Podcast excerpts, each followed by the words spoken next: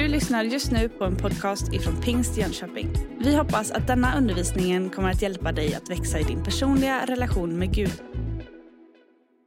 Men att få vakna upp till sånt här vinterlandskap är ju, det är inte alltid vi får uppleva det här i Jönköping. Och det är ju fantastiskt vad, vad härligt det är. Och i en ganska mörk årstid att få tända mer ljus, det kommer upp fler ljus i fönstren, i, liksom, i rummen. Det, det gör någonting åt en annan ganska dyster årstid.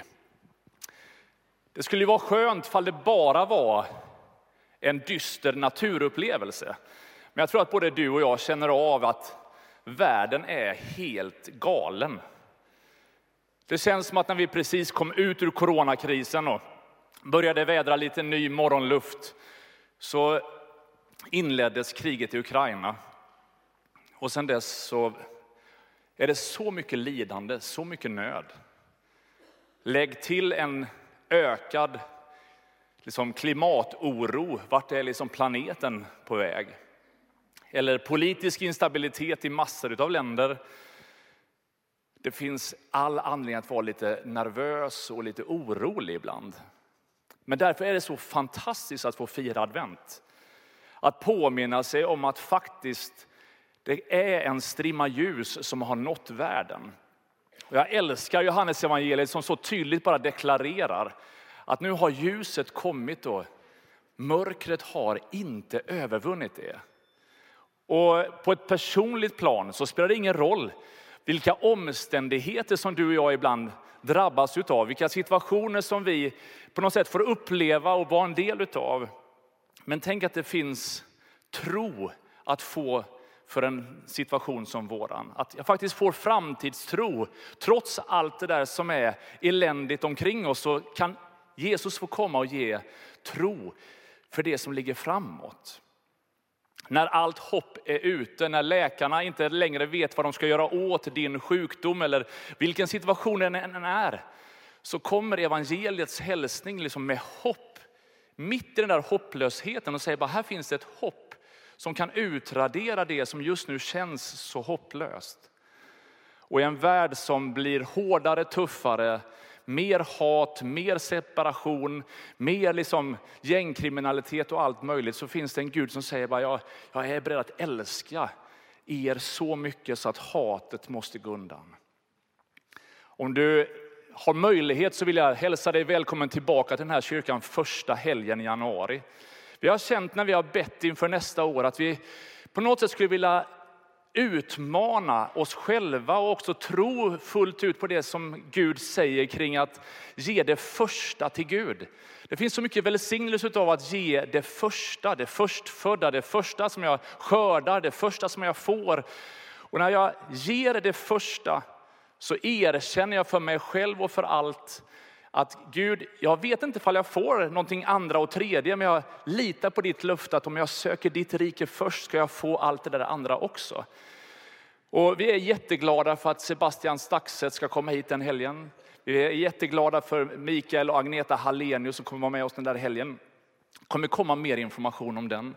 Men vi önskar att det skulle få vara ytterligare en sån där helg som får vara med och ge frid och hopp det är inte bara bundet till vissa adventssöndagar utan det är alla dagar på året. Och varmt välkommen tillbaka till det.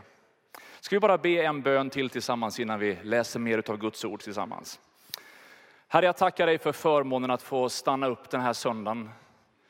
Sjunga sånger, beröras av texter och framförallt påminna oss om att du är en levande Gud, alltid närvarande, redo att gripa in. Och Herre, du vet allt om oss. Ditt ord säger att du till och med vet hur många hår det är på våra huvuden. Herre, du vet de där bönerna som vi kanske ber som ingen känner till. Som vi ibland har svårt att formulera. Kanske böner vi har bett länge så att det känns som att orden har tagit slut. Tack för att du inte har gett upp oss, utan tack för att du kommer till oss. Och nu ber jag särskilt för den som är i det här rummet, som följer den här gudstjänsten på lite olika sätt som känner allt annat än frid i sin själ. Gud, kom och ta plats. Skingra mörkret. Vi ber dig, kom med en strimma ljus. Nytt hopp, ny tro och fyll våra hjärtan med din värmande kärlek. I Jesu namn. Amen. Vi har ju alldeles nyss läst en ett mängd olika av de här texterna som ligger till grund för den här söndagen. Och det är ett intressant skådespel som utspelar sig där på gatorna på väg in mot Jerusalem. Men om vi bara backar bandet den där dagen då han rider in på den där åsnan, så är det ju så att det är många händelser som bygger upp den här atmosfären och ökar den här förväntan. Eh, vid ett av de där tillfällena så är det en, en blind man som får tillbaka sin syn i Jeriko. En stad ganska långt bort liksom, från Jerusalem. Så när han blir helad så är det som att hela stan blir helt så här översaliga, superlyckliga. Det står att allt folket som såg det där började prisa Gud. Och så sätts den där liksom, lovprisningen och hyllningskören, den sätts igång och de börjar slå följe med Jesus mot Jerusalem. Och där på vägen från Jeriko så går han liksom förbi ett träd och kallar ner en man som heter Sackaios som satt där uppe i träkronan och han säger bara du, jag, behöver, jag ska komma hem till dig idag. Och så står det där i den här texten att Människosonen har kommit för att söka upp och frälsa det som var förlorat.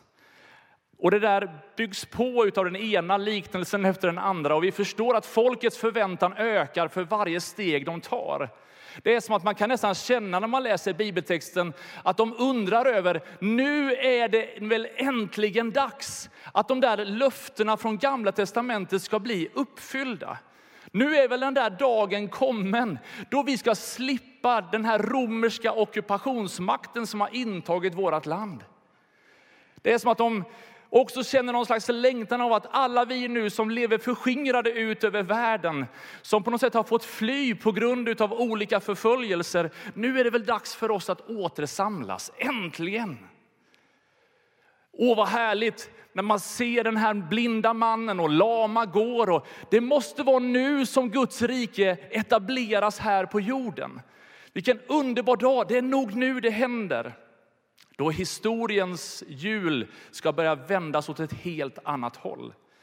Och det är med eufori, det är med stark förväntan på allt det där som Gud har sagt och lovat som Jesus kallar lärjungarna och säger, gå och hämta den där åsnan ska återvända till den där åsnan om en liten stund.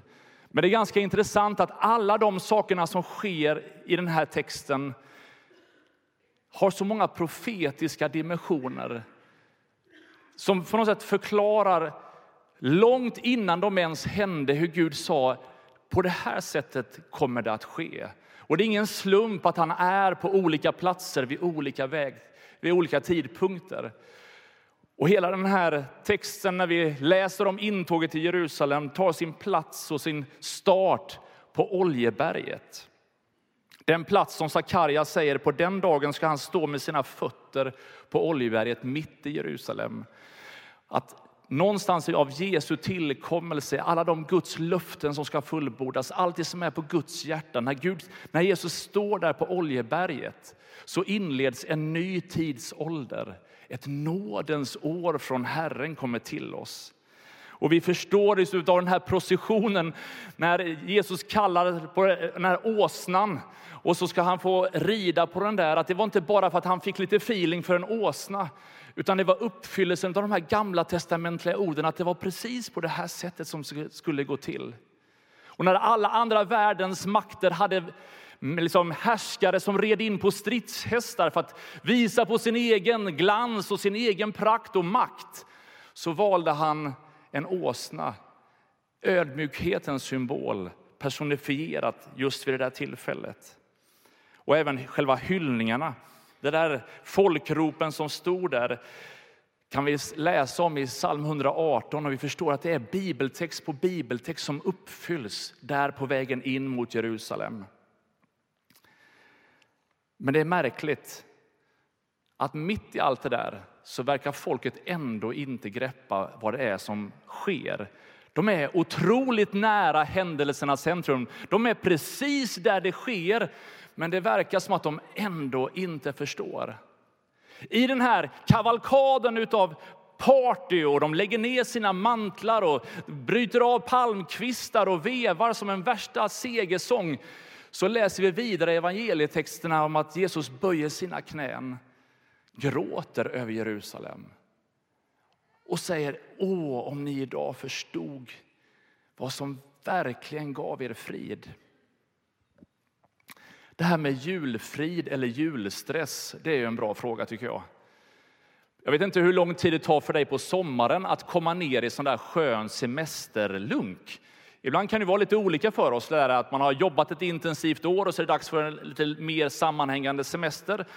Så det kan ta några dagar och ibland kanske det ta mer än några dagar innan man känner att nu är jag sådär skönt avslappnad. Med julen är det ju lite annorlunda. Vi kommer liksom i 200 kilometer i timmen och så på något sätt, nu ska vi ha julfrid. Det hinner på något sätt bli liksom nyårsafton innan man på något sätt har hittat eventuellt någon form av lugn i kroppen ibland. Det verkar som att vi har svårt att finna friden. Och idag skulle jag vilja utmana dig om att inte bara hitta frid för din skull, utan också för den här världens skull. Det verkar som att Jesus gör saker i oss för att sen samtidigt också göra någonting genom oss. Och just nu är det alldeles för många som i vårt land den här tiden kämpar med psykisk ohälsa. Alarmerande rapporter om en ung generation, en alarmerande rapporter om en äldre generation. Och jag tror att vi som är där någonstans mitt emellan kan känna igen oss i beskrivningen av att vi har så mycket men kan ibland sakna det mest väsentliga. Det verkar som om Jesu liksom tårar var för oss, för våran ofrid. Om du idag förstod vad som ger dig verklig frid. En väldigt speciell bok i Bibeln är Predikaren. Han är ju liksom väldigt pessimistisk men väldigt krass också om livet. Och författaren skriver att han såg allt som görs under solen och han kommer fram till att allt är förgängligt, ett jagande efter vind. Eller jag såg på allt som mina händer hade gjort och på den möda jag lagt ner. Då var allt förgängligt och ett jagande efter vind. Sen ger han en bra visdom och säger bättre en handfull ro än båda händerna fulla med möda. Bättre njuta av det man har för ögonen än tråna efter annat. Också det är förgängligt och ett jagande efter vind. Det där jagandet efter vind verkar vara vår tids största villfarelse. Vi letar efter friden, vi vill ha ro i vår själ. Vi vill känna tillfredsställelse och meningsfullhet med det liv vi lever. Och för att skapa det, för att hitta det, så försöker vi fylla våra liv med ännu mer upplevelser eller ännu mer saker. Eller om jag bara gör så, om jag bara får till det också, om jag bara lyckas åstadkomma det här. Och så jagar vi efter det som inte kan skapas av våra människohänder. Tänk om vi kunde förstå att friden faktiskt kan få tas emot som en gåva från himlen själv. Att få ta emot från himlen hans frid. Och för att få frid så behöver du vara trygg med att du inte behöver vara orolig. Du behöver inte vara rädd. Bibeln är fantastisk. Det känns som ett rött tema, ett stort liksom, återföljande liksom, tema som Bibeln använder gång på gång på gång är att konstatera du behöver inte vara rädd. Du ska inte frukta. Oavsett om det här händer dig eller om du utsätts för det här behöver du aldrig oroa dig. För jag är med dig vart du än går, säger Gud. Jesus är med dig alla dagar till tidens slut, så även de då utmaningarna känns alldeles för stora. Och jag älskar alla de där texterna som talas så tydligt om när Jesus föds. Allt det där som händer där, den där natten, då han faktiskt liksom föds till den här jorden för att vara med och bringa den där freden och friden för oss. Det står i Lukas 1, strax innan Jesus föds, så här att så ska en soluppgång från höjden besöka oss för att lysa över dem som sitter i mörker och dödsskugga och styra våra fötter in på fridens väg.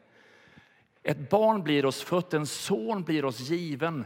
Det är ett stort ljus som ska få lysa i mörkret. Och det är inte bara där allmänt för att åskådas, utan det kan få styra våra steg. Det kan få leda varje steg jag tar på den fridens väg som han leder mig. Jag vet inte hur dina dagar ser ut, fall du känner att varje steg du tar är liksom, jag går verkligen på fridens väg. Varje rum du kliver in i, fall de är präglade av den där friden i ditt inre. Det verkar som om natten ibland aldrig tar slut kanske. Känns som att den där oroskänslan ändå biter sig fast. Men då är ju även där Jesaja, eh, liksom profetian så oerhört tydlig att det ska inte förbli nattsvart mörker där ångest nu råder. Det är inte så att mörkret eller oron ska få ha sista ordet, utan Gud vill ge utav sin frid och sin fred in i våra liv. Jesus säger så här i Johannes 14. Men hjälparen, den heliga Ande som Fadern ska sända i mitt namn, han ska lära er allt och påminna er allt vad, jag, vad han har sagt er. Frid lämnar jag efter mig åt er, min frid ger jag er. Inte ger jag er en sådan frid som världen ger. Låt inte era hjärtan oroas och var inte modlösa. Friden som du och jag söker, behöver, den finns där given utav Gud själv. Han lämnar över den, han ger den till oss. Du får ta emot den, du behöver inte jaga den. Han kommer till dig. Det är kanske en av de absolut skönaste hälsningarna i de här texterna vi har läst. Ser du inte att din konung kommer till dig? Det är inte vi som behöver söka audiens och hoppas på att han någon gång skulle ha någonting gott över till oss. Utan han kommer till oss, han kommer till dig. Han vill den här söndagen påminna dig om att han älskar dig. Han vill att du inte ska oroas. När du kämpar över liksom relationer i din familj eller när du kämpar över lite nöd i din närhet så säger han bara, du behöver inte kämpa i egen kraft, jag vill vara med dig. Jag vill ge dig frid som övergår allt förstånd. Jag vill gå långt in i din själ och ge dig kraft att hantera livets olika utmaningar. Det står så här i Filipperbrevet, bekymra er inte för något. Utan låt det Gud få veta alla era önskningar genom bön och åkallan med tacksägelse. Då ska Guds frid som övergår allt förstånd bevara era hjärtan och era tankar i Kristus Jesus. Guds frid som övergår allt förstånd. När du rent mänskligt egentligen har anledning att vara orolig. Det som kanske är ett sjukdomsbesked, det som kanske är ett arbetsbesked, det som kanske är någon annan motgång som du känner. Rent logiskt så skulle du vara jättesur, jättearg, ledsen, bedrövad och allt det där. Du har på ett sätt rätt till det. Så säger Gud att oavsett vad du nu går igenom så vill jag ge dig en frid som övergår allt förstånd som trumfar alla de där omständigheterna som egentligen är förståndiga reaktioner på det du möter. Inte ett livsförnekande som något sätt bara låtsas som att det inte finns, men en bekräftelse på att Gud är med dig oberoende av de omständigheterna. Tänk att det finns en frid som övergår allt förstånd. Och som också får bevara våra hjärtan. Att någonstans bli ett skydd runt oss som gör att insidan är på något sätt immun mot allt det som är runt omkring. Inte i någon mening känslokall, men ändå i grunden trygg. Att Gud, himmelens och jordens skapare, han som har all makt i himlen och på jorden, han är med mig. Hur skulle jag kunna oroa mig mer om han håller mig i sina starka händer. Och så ska han bevara våra tankar. Jag vet inte hur du är, men jag är en sån här känslomänniska. Och ibland så lever mina tankar, och de är som att de är på Liseberg. Liksom. Det, det, det, ibland åker de helix, det går från superlativ till väldigt mycket annat. Liksom. Och ibland så kan livet vara så där. Och då säger Guds ord att han vill ge oss också skydd för våra tankar. Som de där självanklagelserna eller självfördömelsen eller det där dåliga självförtroendet eller den där dåliga självkänslan. Det där som på något sätt tankarna bara kan fara iväg med. Han kan ge ett skydd.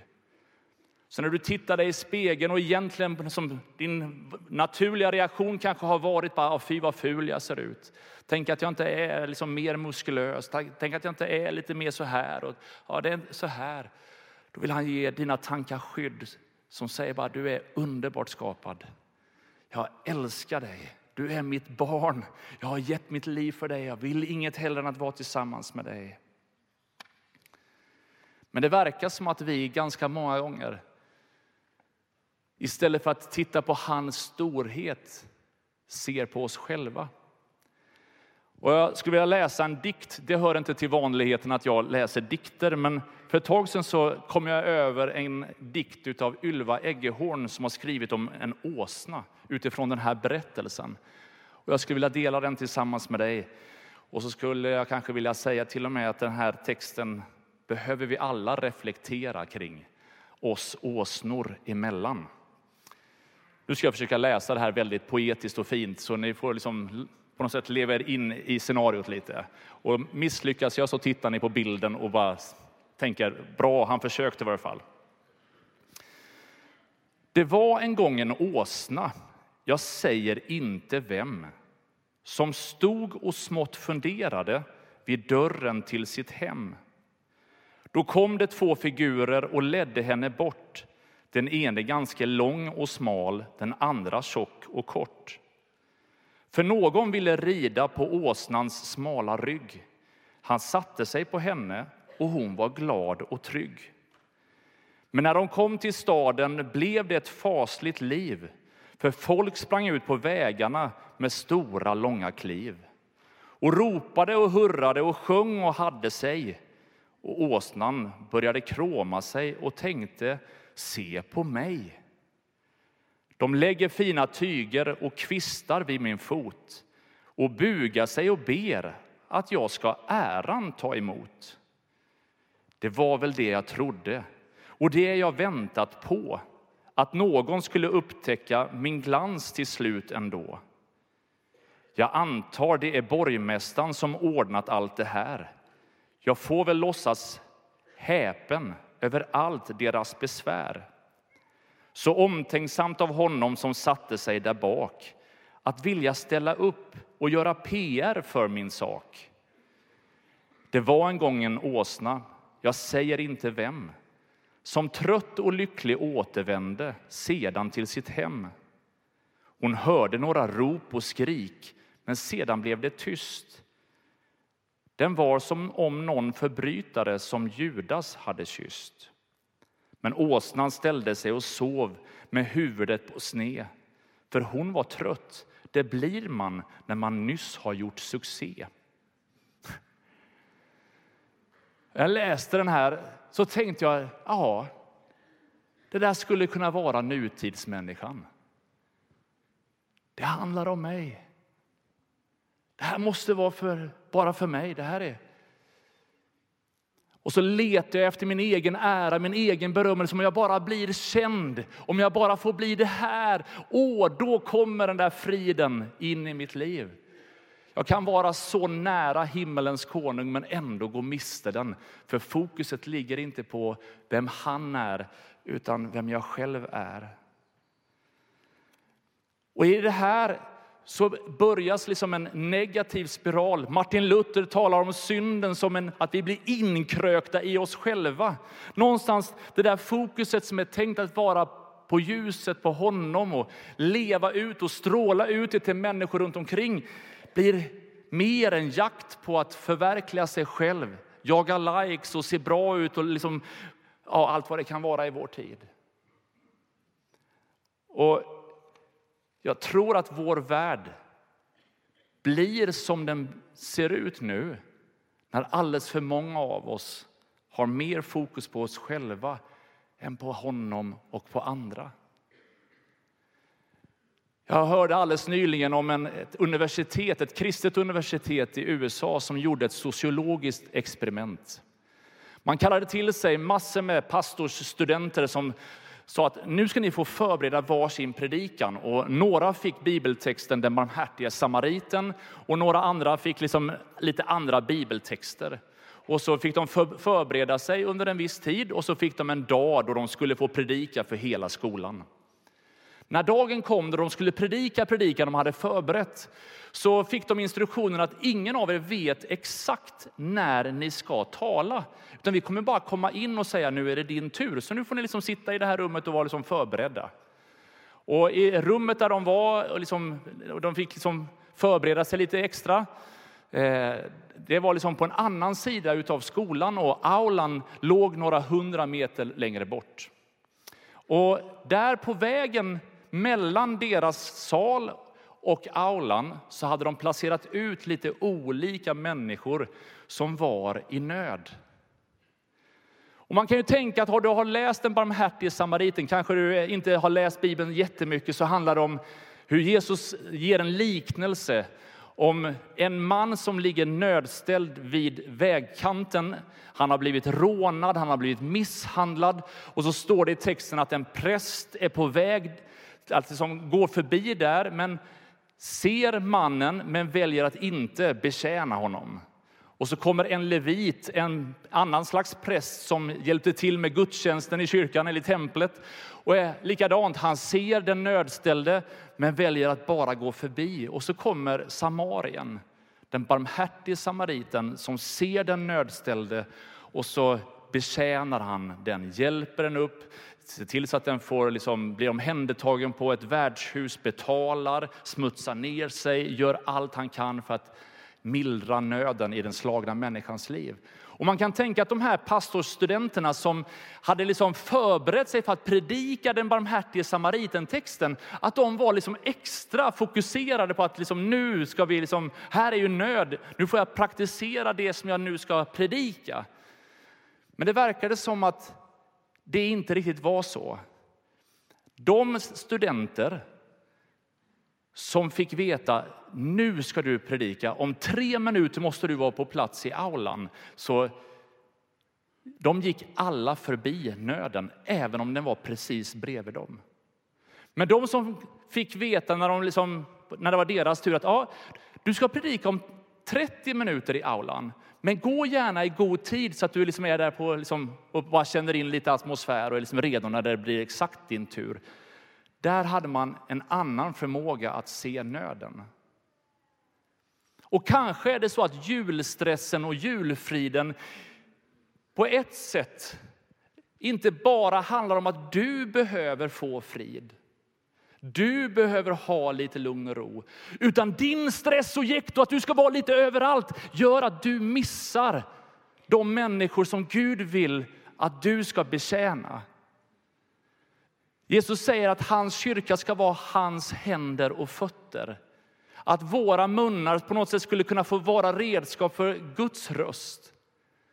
Men om jag jagar tiden, om jag ska hinna med det där och hinna med det där och hinna med det där, så verkar det som om att väldigt många nödställda människor längs med vägen inte betjänas med nytt hopp, nytt mod. Och därför är det så viktigt att alla vi som är i det här rummet har frid med Gud, frid i själen och lever ett fridfullt liv. För om vi inte har frid så verkar det som att det är väldigt många runt oss som inte heller får del av himmelens hälsning. Därför skulle jag vilja utmana oss alla. Köp julklapparna i god tid. Be och fundera ifall det är någon mer som du ska köpa en julklapp till. Ha inte överprestationsångest på hur det ska se ut hemma. Kanske det är läge att bara bjuda in grannen och säga bara du ska vi inte ta lite kaffe och pepparkaka och en lussebulle. Och så dela gemenskapen och börja leva ett liv tillsammans med andra. Jag pratade med Sebastian Staxet som har levt ett liv i väldigt mycket mörker ett tag. Så påminde han mig om den gängkriminalitet som nu pågår i Sverige och inte minst i Stockholmsområdet. I den kyrkan som han går så har de fått ha många begravningar den här, det här året för människor som har blivit skjutna. Och det som är så härligt med Sebastian är att han ställer inte sin tilltro till politiska system eller att polisen skulle få lite vassare vapen. För han har förstått att det enda som kan råda bot på hat och utanförskap är att få frid och fred med Gud. Och de här människorna som på något sätt har fått det är också de som kan bli ambassadörer för det riket till de som ännu inte har fått det. Därför skulle jag önska att vi den här söndagen inte bara tankar in lite god frid med Gud för vår egen skull, utan för Jönköpings skull. För våra bostadsområden, våra arbetsplatser, våra skolkamrater. Det är så många. Du hörde Mia berätta bara lite grann från vårt sociala arbete här i kyrkan. Vi möter massor med människor som just nu säger bara mitt liv, jag vet inte vart jag ska ta, ska ta vägen på det, med det här. För någon vecka sedan när vi hade Celebrate Recovery här i kyrkan, en öppen kväll för alla vi som kämpar med lite sår och ovanor och beteenden och känner bara Gud, jag behöver din hjälp för att få mitt liv att funka. Så hade Hanna och Samuel Setson, de berättade sin livsresa av hur de under många år har levt med sjukdom i sin familj, vilket har gjort att de knappt har andats frisk luft utanför huset. Och så berättar de att det som har burit under alla de här mörka åren har varit att Guds frid som övergår allt förstånd har varit utgjuten i deras hjärtan. Så idag förkunnar jag inte att du kommer leva ett liv utan bekymmer om du har lärt känna Jesus. Men däremot så erbjuds vi ett liv med alla dess bekymmer. En frid från Gud som truffar, trumfar alla de omständigheterna. Du har just lyssnat på en podcast ifrån Pingst Jönköping. För att få reda på mer om vilka vi är och vad som händer i vår kyrka så kan du gå in på pingstjonkoping.se eller följa oss på sociala medier via pingstjkpg.